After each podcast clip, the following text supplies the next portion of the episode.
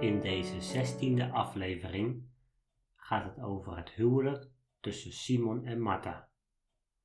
Door verschillende Bijbelgedeelten naast elkaar te leggen, is het waarschijnlijk dat Simon en Martha samen getrouwd waren.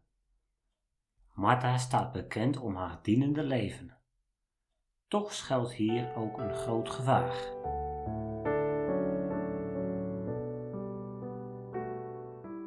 Het huwelijk tussen Martha en Simon brengt ons in contact met een bijzondere situatie.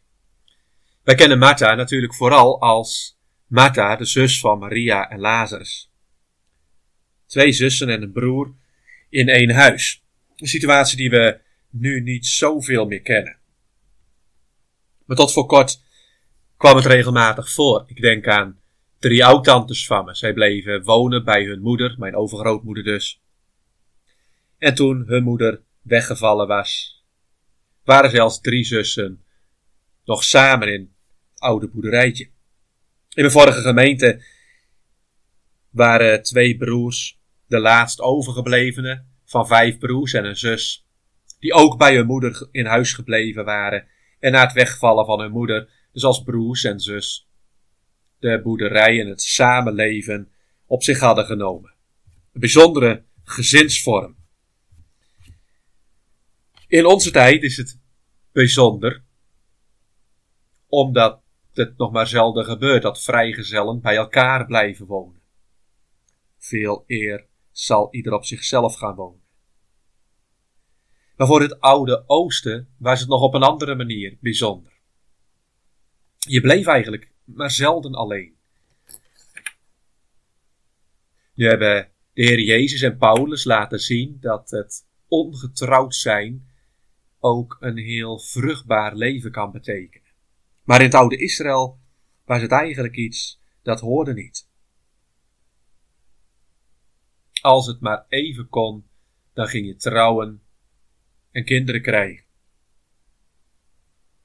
Maar hier treffen wij enkele personen aan die blijkbaar niet getrouwd zijn. Hoe komt dat?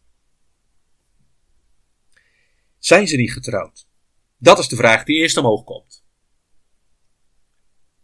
En als we dan wat verder kijken, dan kunnen we ons niet aan de indruk onttrekken dat Martha wel getrouwd is. Het is namelijk zo dat wij het huis van Martha regelmatig tegenkomen. En dat wordt dan het huis van Martha genoemd. Maar hetzelfde huis wordt genoemd in Marcus 14 het huis van Simon de Melaatse. Martha is werkzaam in het huis van Simon de Melaatse. Als wij die verschillende gegevens uit de evangelie vergelijken, dan moeten we wel concluderen, het huis van Simon is het huis van Martha.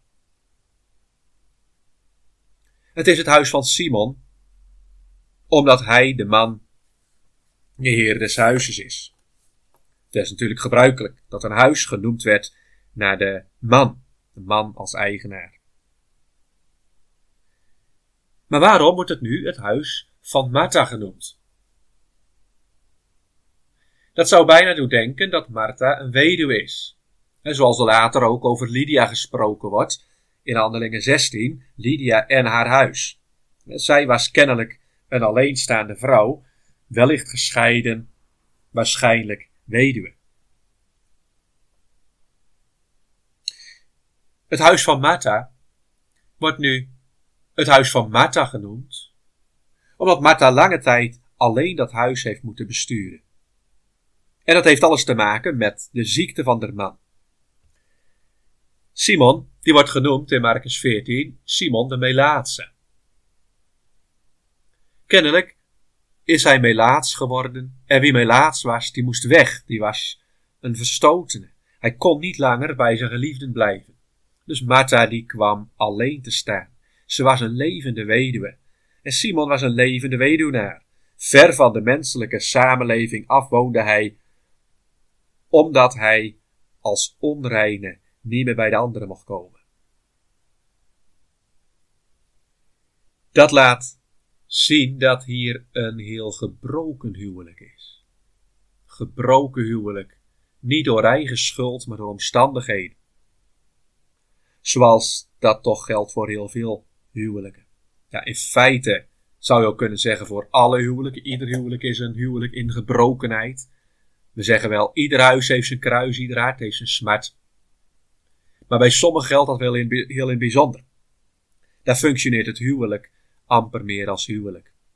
En zoals ik zei van Martha, ze was als het ware levende weduwe. En zo zijn er die zijn officieel wel getrouwd, maar ze zijn erg eenzaam. Ze hebben eigenlijk geen mogelijkheid meer om nog met hun man of dan met hun vrouw echt samen te leven. Hoe is dat bij Simon verder gegaan? Nou, er zouden twee mogelijkheden zijn. Of Simon is daadwerkelijk gestorven. Dat zou de reden kunnen zijn dat we verder van Simon niet meer lezen. Zijn huis wordt dan nog wel het huis van Simon de Melaatse genoemd, maar het is alleen maar een aanduiding van iemand die nog slechts herinnering is. In dat geval begrijpen we de opmerking van Martha des te beter in Lucas, in Johannes 11.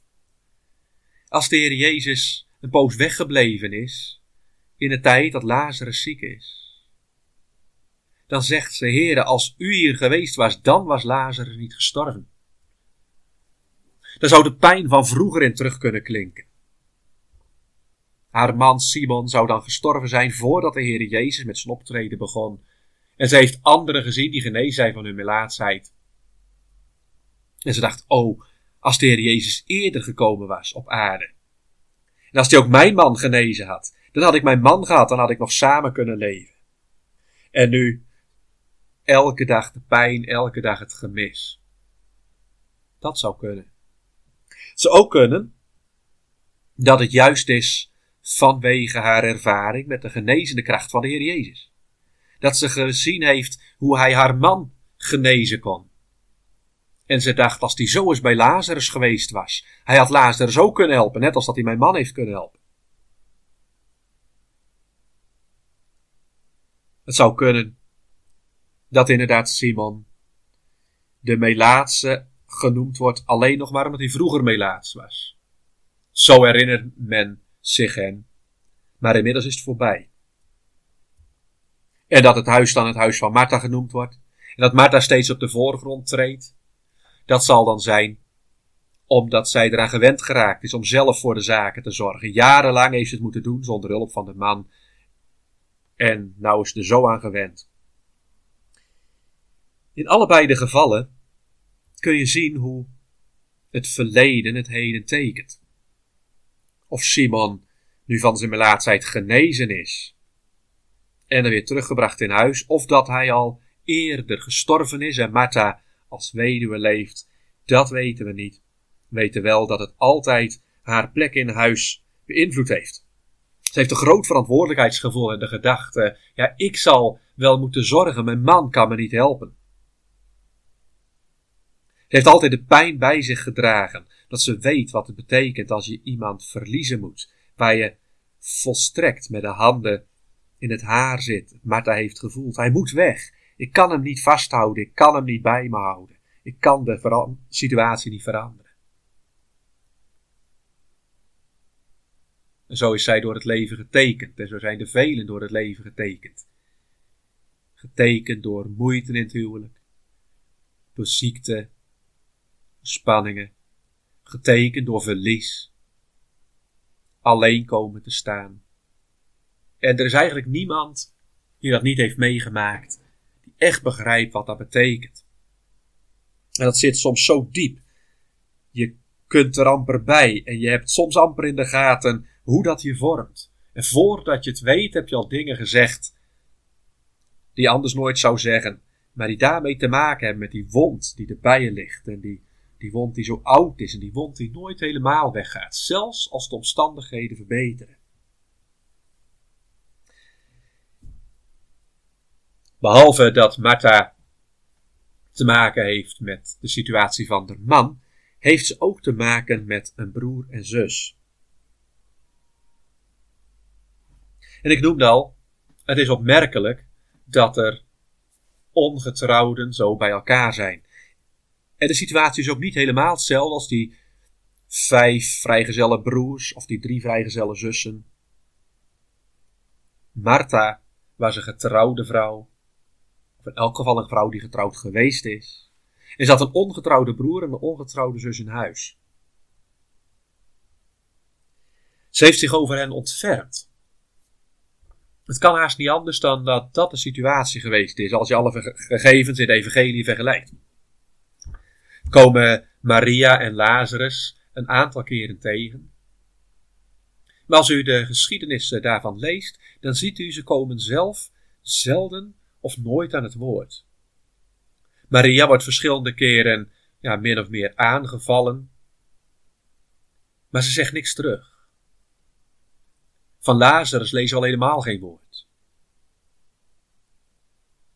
Ze komen naar voren als mensen die niet voor zichzelf kunnen opkomen. Die zichzelf niet kunnen verdedigen, zichzelf niet kunnen helpen. Geen krachtige mensen. Niet assertief. Niet sterk. En dat zal ook de reden zijn dat zij bij Martha in huis zijn. De weg van het huwelijk die is voor hen niet weggelegd geweest. En Martha, de enige van de drie die dan wel getrouwd is, die kon hen in huis nemen.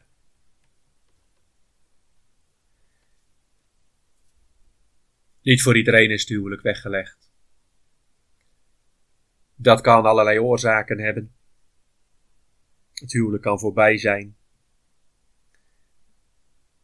Het kon ook zijn dat iemand nooit diegene tegenkwam die die naar waar hij naar verlangde. De Heer zegt er zijn sommige ongetrouwden of ontmanden vanwege het koninkrijk. En denk aan Paulus, die omwille van de zaak van het koninkrijk nooit heeft willen trouwen. Maar sommigen zijn dus niet getrouwd vanwege onmogelijkheid, vanwege beperkingen. Daarmee is het leven niet minder waardevol. Integendeel, als wij zien hoe de Heer spreekt over Maria en over Lazarus en welke plaats zij hebben gekregen in het evangelie in de zaak van het koninkrijk. Dan zien we daarin heel duidelijk wat Paulus later schrijft in 1 Korinthe 1. Dat het onedele der wereld door God uitverkoren is. Het onwijze, opdat dit wijze het aanzienlijke zou beschamen.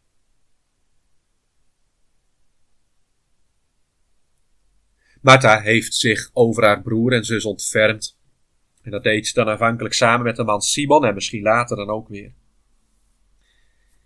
Ook dit heeft haar gevormd. Je weet nooit zeker of er een verband ligt, maar er lijkt wel een verband te zijn. Dit is namelijk het enige huis dat wij kennen uit de evangeliën, waar de Heer Jezus telkens een gastvrij onthaal kreeg. De Heer Jezus was zeer vertrouwd bij dit huis het huis van Martha, het huis van Simon in Betanië. En dan kwam hij daar met zijn groot gezelschap, twaalf discipelen, waarschijnlijk nog anderen daarbij. En dan kwam hij gebruik maken van de gastvrijheid van Martha. En Martha is altijd gewend geweest om voor anderen te zorgen.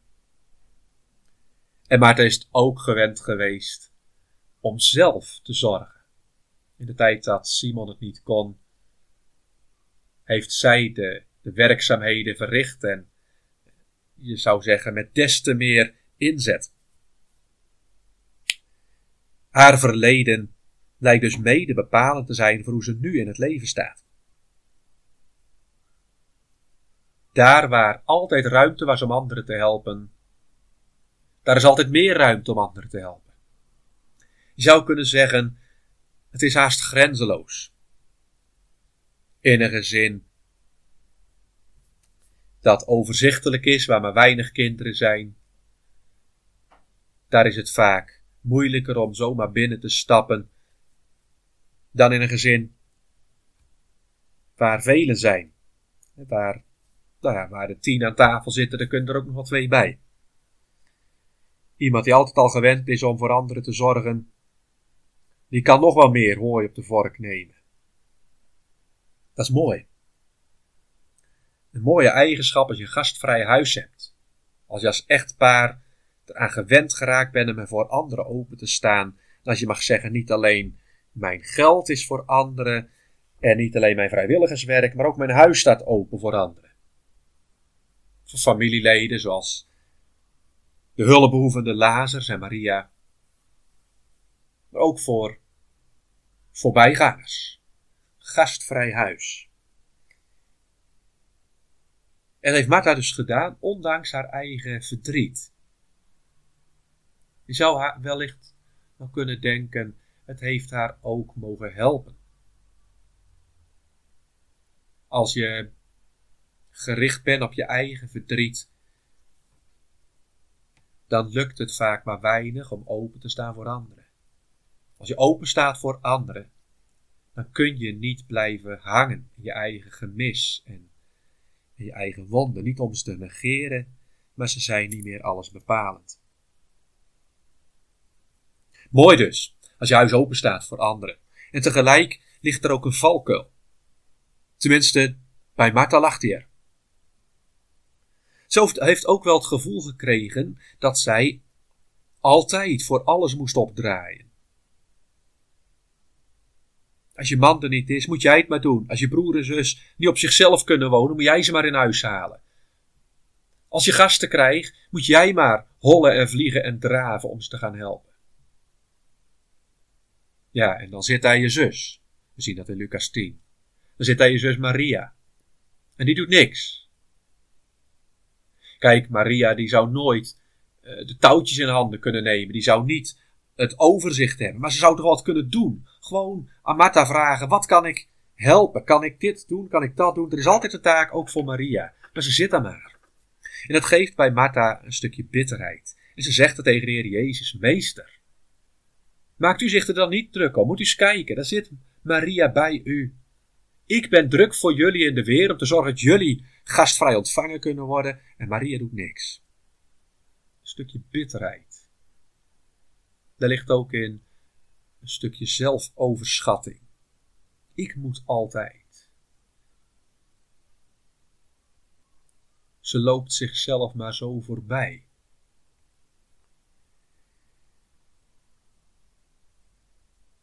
Wat zou Martha er goed aan doen om de les van Maria te leren? Maria zat aan de voeten van de Heer Jezus om zijn woord te horen. En Martha, die altijd gewend was om hard te lopen, wat zou het voor haar leerzaam zijn om aan de voeten van de Heer Jezus te zitten? Want zitten aan de voeten van de Heer Jezus is geen concurrent van dienen in het rijk van de Heer Jezus.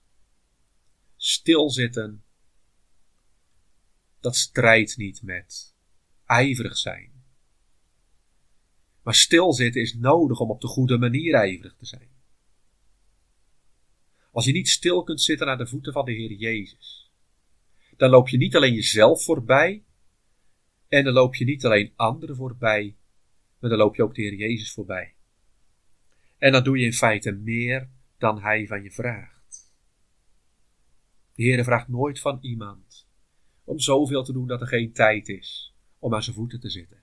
De Heer vraagt van ons om altijd weer terug te komen bij zijn voeten en te vragen: Heer, die taak die ik nu voor mij zie, is dat een taak die u mij oplegt of een taak die ik mezelf opleg?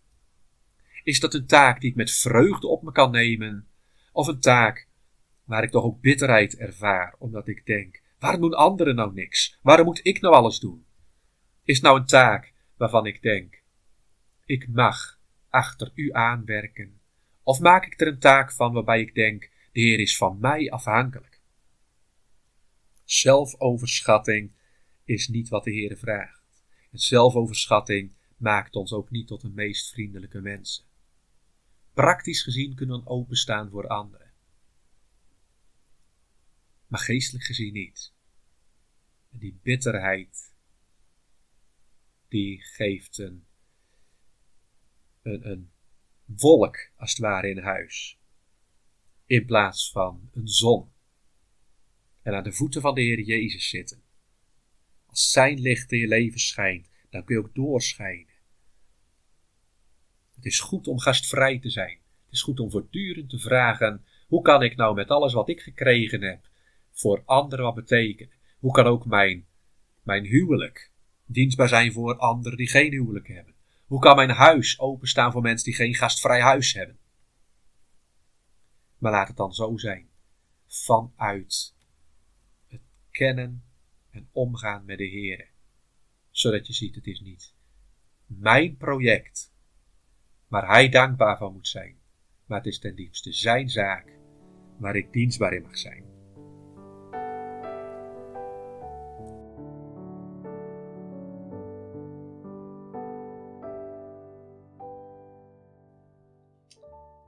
Dit was de zestiende aflevering van de podcastserie over Bijbelse huwelijken. In de volgende aflevering staan we stil bij het huwelijk tussen Ananias en Safira.